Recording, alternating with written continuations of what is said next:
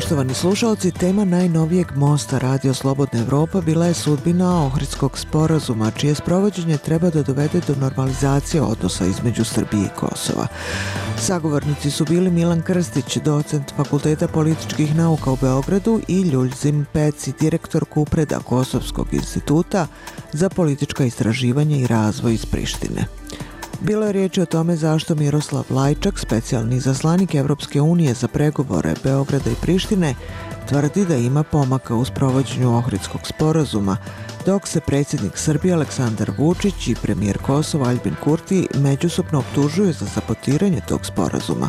Da li Beograd prihvatanjem kosovskih automobilskih tablica i pristankom na nove izbore na sjeveru Kosova u tišini pravi korake ka de facto priznanju? Iako premijerka Srbije Ana Brnović šalje pismo Evropskoj uniji u kome tvrdi da Srbija nikada ni de facto ni de jure neće priznati Kosovo. I šta Beograd podrazumijeva po de facto priznanjem, a šta Priština. Razgovaralo se i o tome šta znači izjava ruskog ambasadora u Beogradu Bocon Harčenka da će se problem Kosova riješiti kada se promjene geopolitičke prilike. Namjerava li Moskva da ga rješava u paketu sa Ukrajinom, kao i o tome kakvu poruku američka administracija šalje Beogradu time što je Kosovo odobrila kupovinu veoma efikasnih protiv tenkovskih raketa Javelin. Most je pripremio Omer Karabek. Most Radija Slobodna Evropa. Dialogom do rješenja. U današnjem mostu razgovarat ćemo o tome kakva je sudbina Ohridskog sporazuma, čije sprovođanje treba da dovede do normalizacije odnosa između Srbije i Kosova. Naši sagovornici su Milan Krstić, docent na Fakultetu političkih nauka u Beogradu i Ljuzim Peci, direktor Kipreda, Kosovskog instituta za politička istraživanja i razvoj iz Prištine. Gospodine Krstiću, izgleda da je s provođenjem Ohridskog sporazuma jedino zadovoljan Miroslav Lajčak, specijalni izaslanik Evropske unije za dijalog Beograda i Prištine. On kaže da ima pomaka u primjeni tog sporazuma, dok se predsjednik Srbije Vučić i premijer Kosova Kurti međusobno optužuju za nesprovođenje sporazuma. Kako je vaše mišljenje? Ima li pomaka? Iz ugla Evropske unije definitivno je da postoje neki argumenti koji ukazuju na to da je došlo do pozitivnog pomaka. Jedan od njih jeste primjera radi činjenica da je od prošlog meseca Beograd izvanično priznao RKS tablice. Sa druge strane, imajući u vidu da postoje i mnogi aspekti ovog dogovora koji nisu implementirani i da postoje najave da bi moglo da dođe do dodatne eskalacije, primjera radi ukoliko bi se prekinuo platni promet u dinarima koji se trenutno na Kosovu vrši kroz banku poštansku štedionicu, zatim postojeća trka u naoružanju do koje je došlo između Beograda i Prištine, odnosno naznake trke u naoružanju, sve nam to ukazuje zapravo da je teren za dalju implementaciju i dalje daleko od stabilnosti. Mi imamo u narednom periodu verovatno fokus na nacrt e, statuta zajednice opština sa srpskom većinom, koji će verovatno ići pred Ustavni sud Kosova i od sudbine tog dokumenta mogla bi da zavisi održivost čitavog Ohrid Ohridskog sporazuma, odnosno Briselskog sporazuma i Ohridskog dogovora o implementaciji. Dakle, Lajčakov optimizam je baziran delimično na činjenicama Postoji određeni napredak u implementaciji. Vidimo i da je Elektrosever od e, skoro faktički ušao u sistem kosovski energetski. Imajući to u vidu, dakle, očigledno postoje neki pomaci, ali ima i mnogo više izazova i ja ne delim optimizam u pogledu toga da je implementacija zrela i da je izvesna. Gospodine Peci, mislite li vi da je opravdan Lajčakov optimizam? Mislim da on treba i da bude optimista, ali situacija nije baš optimistička. Sada dve strane rade ono što je trebalo prije da se sprovodi, ali nema umaka što se tiče Ohridskog sporazuma. Tu smo gde smo sada. Ja mislim da sa strane Beograda postoji strah da Priština neće sprovoditi sporazum u zajednici, a od Prištine postoji strah da Srbija neće da sprovodi ceukupni sporazum što podrazumeva de facto priznanje Kosova. Ja mislim da je tu problem. Sada situacija ja mislim da je još teža posle pisma što je poslato sa strane premijerke Brnabić u Briselu, jel to znači de facto i de jure povlačenje Srbija sa tog sporazuma. Tako se to razume u Prištini. A inače u Briselu i Vašingtonu kažu da taj sporazum mora da se sprovede jer oni su se sporazumeli oko toga. Ovaj sporazum ima dva stuba i bez njih ne može da ide napred. To je prvo zajednica opština sa srpskom većinom, a drugo je de facto priznavanje Kosova.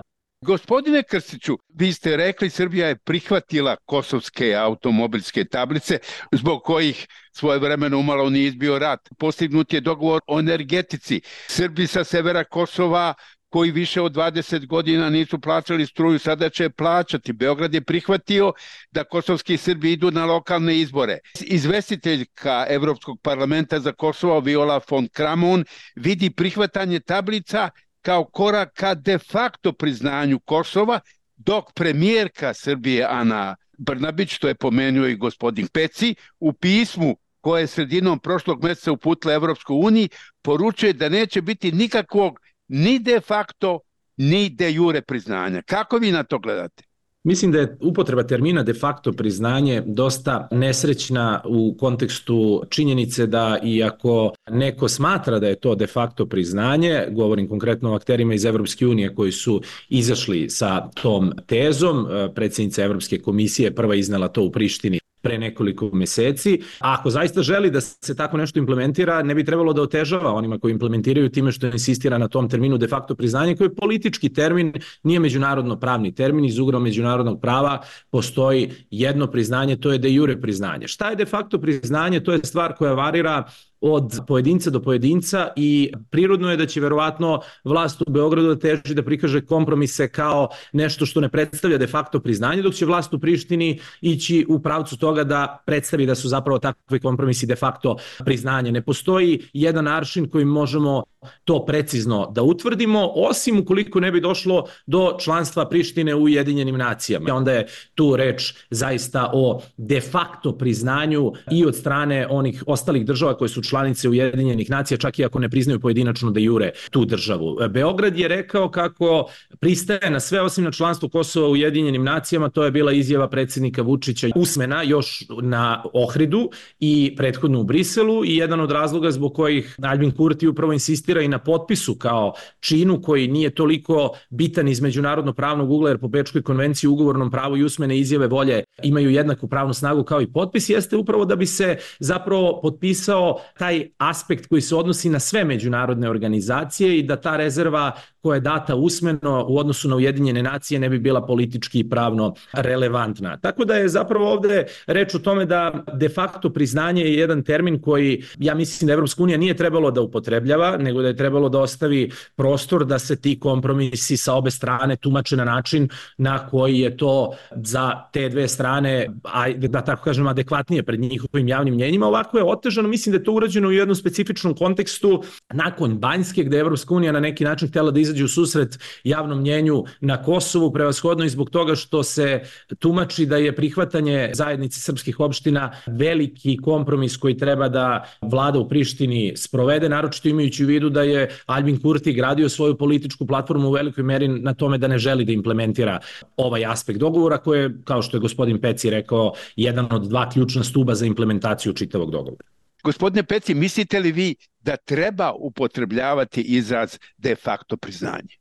Pa mislim da je ceo ovaj dogovor u tom duhu, jer ovaj dogovor je manje više prema modelu dve Nemačke i od toga je došao i ovaj francusko-nemački projekat. U dogovoru postoji obavezna tačka da Srbija ne donosi nikakvi problema što se tiče uključivanja Kosova u svim međunarodnim organizacijama. Tu postoji još jedna stvar. U pismu što je poslala premijerka Brnabić piše da Srbija neće priznati niti teritorijalni integritet Kosova. Zbog toga ja kažem da de facto i de jure Srbija se povlačila od ovog dogovora.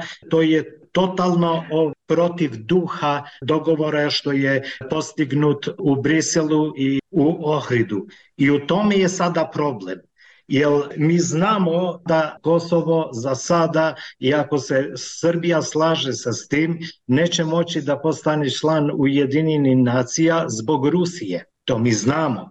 Mi moramo da gledamo i šta je rekao ruski ambasador u Beogradu Šašćenko koji je rekao da pitanje Kosova mora da se reši kad se reši velika geopolitička pitanja. To podrazumeva da Rusija hoće da ostavi kartu Kosova zajedno sa Ukrajinom i sa Đorđijom. Ovo što kaže sada srpski establishment, da ne priznaju teritorijalni integritet, ja mislim da manje više ide u pravcu interpretacije ruske spoljne politike.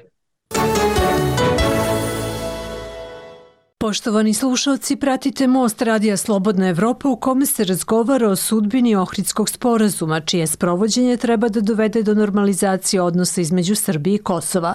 Sagovornici su Ljuljzim Peci, direktor Kipreda, Kosovskog instituta za politička istraživanja i razvoj iz Prištine i Milan Krstić, docent na Fakultetu političkih nauka u Beogradu. Voditelj je Omer Karabeg.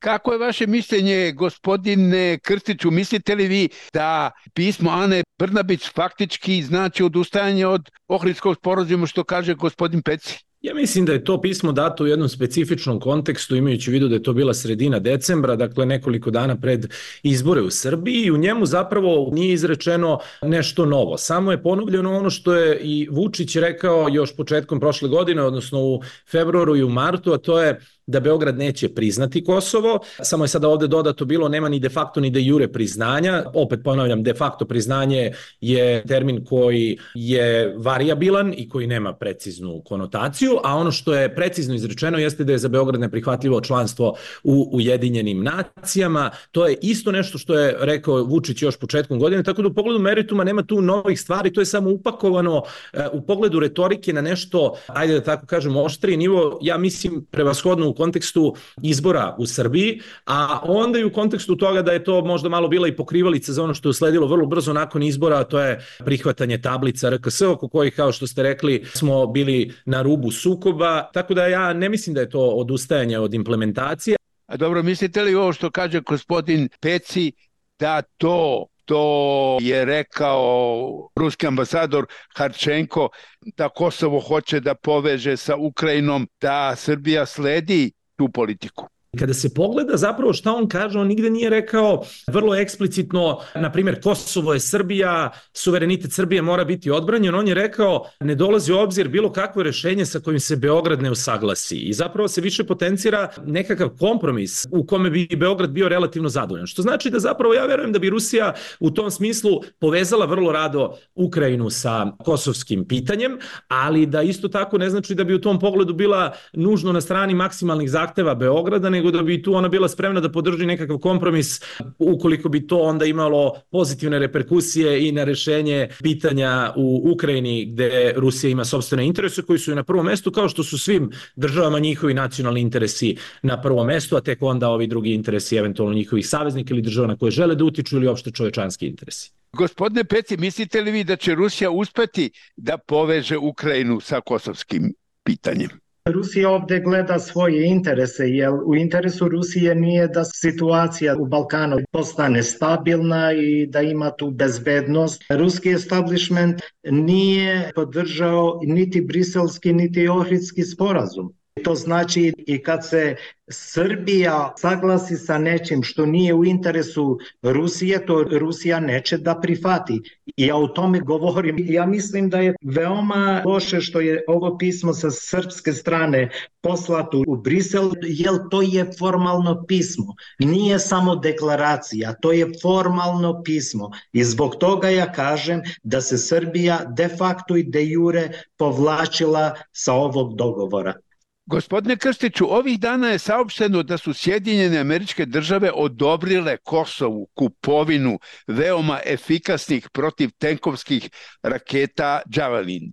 Predsednik Srbije Vučić je izjavio da je to veliko razočarenje za Srbiju. Šta je time Vašington želeo da poruči Beogradu? To je verovatno posledica neke vrste rekalibriranja pristupa nakon Banjske, gde sa jedne strane nismo imali izrazit pritisak na Beograd inicijalno, ali očigledno će sada postojati veći fokus Vašingtona na, na oružavanje kosovskih bezbednostnih snaga. Naravno, to nije stvar koja se dešava od juče, od 2018. je započet proces transformacije gde su Amerikanci nekad aktivnije, nekad pasivnije učestvovali u tom procesu, ali sada vidimo da i Sjedinjene države i Nemačka i Turska i Velika Britanija aktivno deluju u pravcu sprovođenja transformacije kosovskih bezbednostnih snaga.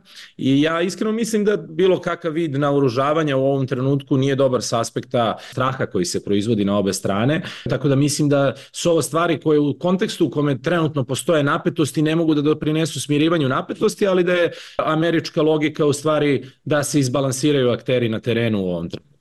Gospodine Peci, kako vi gledate na ovu odluku Sjedinjenih američkih država da odobri Kosovu kupovinu raketa Javelin?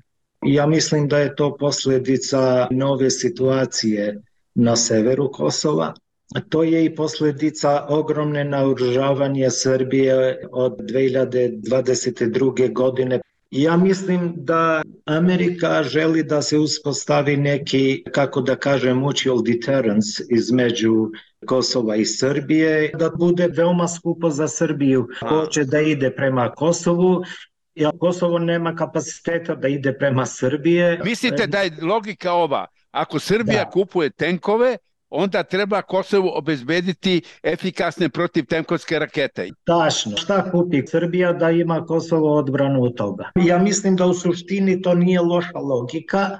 Ta logika je otprilike ista i u Bosni i Hercegovini posle Dejtona. U to vreme američka administracija je rešila da ojačava armiju federaciju Bosne do tog nivoa da armija Republike Srpske ne može da misli da ide prema teritoriji federacije, da ima rat sa federacijom, ali da i federacija ne ima takvu vojnu moć da može da invadira Republiku Srpsku I to je to. Taj proces u to vreme je vodio pokojni američki ambasador James Dobbins i s time se postavalo ravnoteža u Bosni i Hercegovini i to u suštini je bio garantor i mira u Bosni i Hercegovini. Ja mislim da otprilike ta ravnoteža hoće sada i da se uspostavi na Kosovu prema Srbiji i to je to. Gospodine Krstiću, specijalni izaslanik Lajčak izjavio je da očekuje da se do kraja januara formalizuje Ohridski sporazum. Šta se podrazumeva pod formalizacijom? Da li formalno potpisivanje sporazuma, jer je Vučić do sada odbijao da ga potpiše? Mislim da se ne očekuje formalno potpisivanje imajući u vidu rezervu koju od starta Vučić iznosi za članstvo u Ujedinjenim nacijama, on bi mogao da potpiše samo dokument u kome bi postojala takva pisana rezerva, što se neće desiti. Ovde mislim da je više reč o daljoj implementaciji u vidu prevashodno formalizacije statuta zajednice opština sa srpskom većinom i uz nedvosmisleno iskazivanje ponovno usmeno, verovatno, interesa i namera obe strane da sprovedu ono što je zacrtano mapom puta iz Ohrida. Dakle, mislim da će to biti zapravo ono što će uslediti, a ne formalno potpisivanje iz razloga koje sam već naveo. Ali to teško može da se uradi do kraja januara. Ja isto mislim da teško može da se uradi do kraja januara, ja verujem da su rokovi zapravo često bili pogrešni kad god su postavljeni od strane posrednika, najčešće su postavljeni od strane posrednika u dijalogu Beograda i Prištine. Mislim da ovde obe strane imaju malo interesa i da otežu. Sa jedne strane, mislim da premijer Kurti ni ne želi da implementira zajednicu opštine s srpskom većinom na način koji bi pravio bilo kakvu funkcionalnu zajednicu od nje, a u sklopu toga će verovatno sada da radikalizuje situaciju zabranom rada poštanske štedionice, što će faktički dovesti do onemogućavanja rada srpskih obrazovnih i zdravstvenih institucija, bez e, čekanja da se one transformišu kroz planiranu zajednicu i da funkcionišu u okviru nje. To će stvoriti vakum i veliku teškoću za život Srba na Kosovu koji neće moći ni da primaju plate na teritoriji Kosova, nego će morati da prelaze administrativnu liniju. To je nešto što će facto verovatno dovesti do zaoštravanja situacije, a s druge strane i Beograd dugoročno gledano verovatno čeka moguće promene prevashodno u Vašingtonu. To ne znači da bi administracija u Vašingtonu, čak i ukoliko pobedi Donald Trump, imala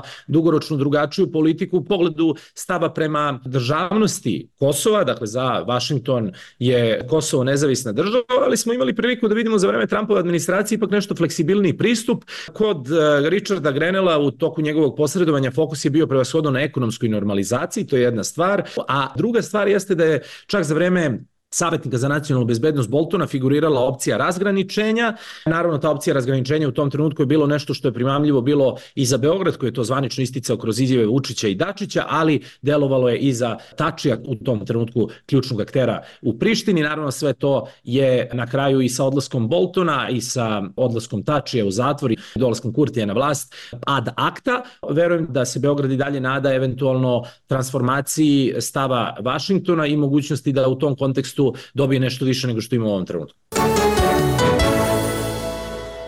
Poštovani slušalci, pratite Most Radija Slobodna Evropa u kome se razgovara o sudbini Ohridskog sporazuma, čije sprovođenje treba da dovede do normalizacije odnosa između Srbije i Kosova. Sagovornici su Milan Krstić, docent na Fakultetu političkih nauka u Beogradu i Ljuljzim Peci, direktor Kipreda, Kosovskog instituta za političko istraživanje i razvoj iz Prištine. Voditelj je Omer Karabeg. Gospodine Peci, po vama šta Lajčak podrazumeva pod formalizacijom Ohridskog sporazuma koju on očekuje dosta nerealno do kraja januara?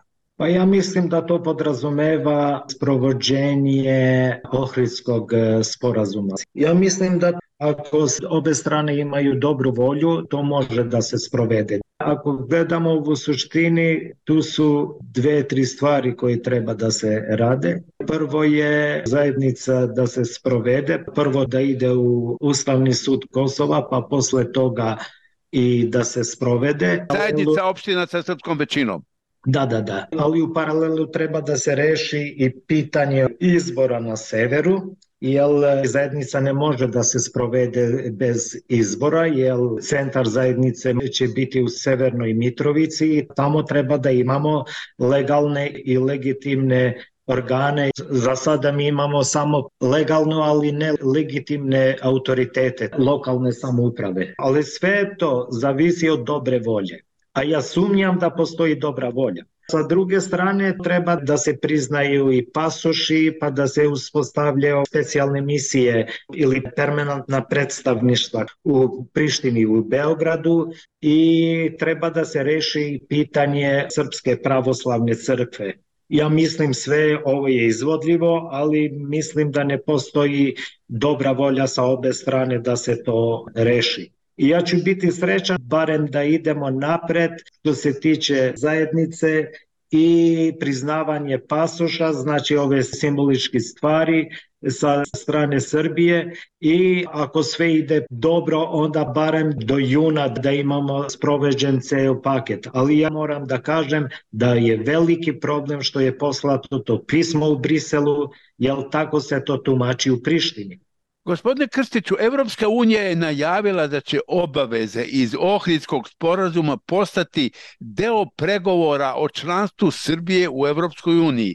Da li to znači da Srbija neće moći ući u Evropsku uniju dok ne normalizuje odnose sa Kosovom? Mislim da je to politički jasno već neko vreme. I kada se pogleda zapravo istorija dijaloga Beograda i Prištine, možemo da kažemo da u periodu od 2013. do 2016. 17. odluke o pravljanju nekih kompromisa su direktno uslovljene bile daljim napredovanjem u Beogradu procesu evropskih integracija. Beograd sada čini mi se da ne pravi kompromise uz želju za kontrauslugama u vidu brzog napredovanja ka Evropskoj uniji, nego da zapravo pravi kompromise koji olakšavaju i legitimizuju neke druge stvari u vezi sa spoljnom i unutrašnjom politikom aktualne vlasti u Beogradu. Da se pokaže kao konstruktivan akter prema Zapadu, da se time možda skrene pažnja sa nekih unutrašnjih problema koje smo imali sad i u kontekstu održanih izbora u Srbiji, da se ne pravi problem u vezi sa spoljnopolitičkim stavom Srbije prema Ruskoj federaciji. Na ovaj način se Zapadu daje ono što on prevashodno očekuje, to su neki kompromisi u vezi sa kosovskim pitanjem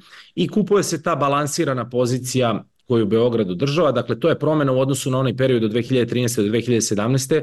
kada su kompromisi bili direktno vezani za napredovanje u procesu evropskih integracija. To je posledica dve ključne promene, odnosno dve varijable, jedna je unutrašnja, to je de facto zastoj u reformama u Srbiji, a druga je spoljna, to je kriza kredibiliteta evropskih integracija. Mi imamo investicioni plan, finansijski, koji u stvari samo predstavlja restrukturiranje postojećih sredstava koji uopšte nije ništa nešto preterano značajan, više se reklamira da je značajan nego što jeste. Ne postoji nikakav novi maršalov plan za region koji je najavljivan. S druge strane, kada pogledamo recimo, ne znam, makedonski kompromis u vezi sa imenom, jeste rezultirao članstvom Severne Makedonije u NATO, ali onda su došli novi uslovi od Bugarske, put ka Evropskoj uniji je i dalje prilično blokiran. Evropska unija ne šalje dobre poruke regionu i to je druga strana medalje koja zapravo utiče na to da šargarepa evropskih integracija sve manje i manje deluje kao posticani faktor za postizanje kompromisa. Vi znači mislite da to što će sprovođenje Ohridskog sporazuma postati deo pregovora o članstvu Srbije u Evropskoj uniji, da to neće naterati Srbiju da striktnije sprovodi Ohridski sporazum. Ja mislim da još uvek nema kredibilne perspektive za članstvo Srbije i drugih aktera u regionu u Evropskoj uniji. Kada bi ta perspektiva bila kredibilnija, kada bi bila praćena nekim konkretnim merama, onda bi možda i implementacija Ohridskog sporazuma bila razmatrana na drugačiji način. To ne znači dakle da se neke stvari iz Ohridskog dogovora neće implementirati. Ja sam već rekao i Beograd je implementirao neke dogovore, ja mislim iz drugih razloga, ne zarad napretka u evropskim integracijama, već više zarad održavanja balansirane spoljne politike. Gospodine Peci, mislite li vi da to što će obaveze iz Ohridskog sporazuma postati deo pregovora Srbije o članstvu u Evropskoj uniji neće mnogo uticati na sprovođenje Ohridskog sporazuma od strane Srbije? Pa ja mislim da neće. Ja se slažem potpuno sa gospodinom Krstišom koji kaže da ta perspektiva nije opipljiva. Današnji progres Srbije prema Evropskoj uniji je dosta simboličan. Ja mislim da predsednik Vučić zna da to nije neko pitanje što će doći na sto u njegovom mandatu i zbog toga on neće imati nikakvu volju da ide u tom pravcu To je van mandata današnjih vladara u Beogradu i Prištini. Situaciju može da promeni direktan pritisak Zapada na Srbiju i na Kosovu isto. Ja mislim da šta presije je mnogo snažnije nego evropska perspektiva što se tiče Srbije pa i Kosova. I na kraju u zaključku, gospodine Krstiću, kakva je sudbina Ohridskog sporazuma? U narednom periodu očekujem nastavak tih implementacija nekih odredbi, ali ne očekujem da će krunski aspekti ovog sporazuma biti implementirani u nekom doglednom periodu. Gospodine Peci, po vama kakva je sudbina Ohridskog sporazuma? Ja nisam e, optimista. Ja mislim da se neke odredbe tog sporazuma će da se sprovede tiho, ali u celosti ja ne očekujem da će se taj sporazum sprovesti do nove evropske administracije i do nove američke administracije. Sve to će da zavisi od e, pritiska Zapada. Ja mislim da i u interesu Zapada da se ovo pitanje što brže zatvara, jer e, sada je najveći evropski problem Ukrajina i sudbina rata u Ukrajini će da ima najveće posledice za evropski poredak. U ovoj geopolitičkoj igri Balkan ima svoju ulogu Ja mislim da ako Zapad dođe sa merama i to ne preko Evropske unije nego sa bilateralnim merama, onda ja mislim da postoji neka šansa da se ovo sprovede. Ali kako stanje stoji za sada, ja mislim da je strategija Zapada da se napravi ravnoteža i da svaki potencijal konflikta bude kontrolisan. Mislim da je u suštini ova politika sada. Ako se slažete, ja bih sada završio ovaj razgovor. Hvala gospodine Krstiću. Hvala vama. Hvala gospodine Peci. Hvala vam puno. Bio je to most u kome su naši sagovornici bili Ljuzim Peci, direktor Kipreda, Kosovskog instituta za politička istraživanja i razvoj iz Prištine i Milan Krstić, docent na Fakultetu političkih nauka u Beogradu. Posrednik u razgovoru bio je Omer Karabeg. Most Radija Slobodna Evropa. Dialogom do rješenja.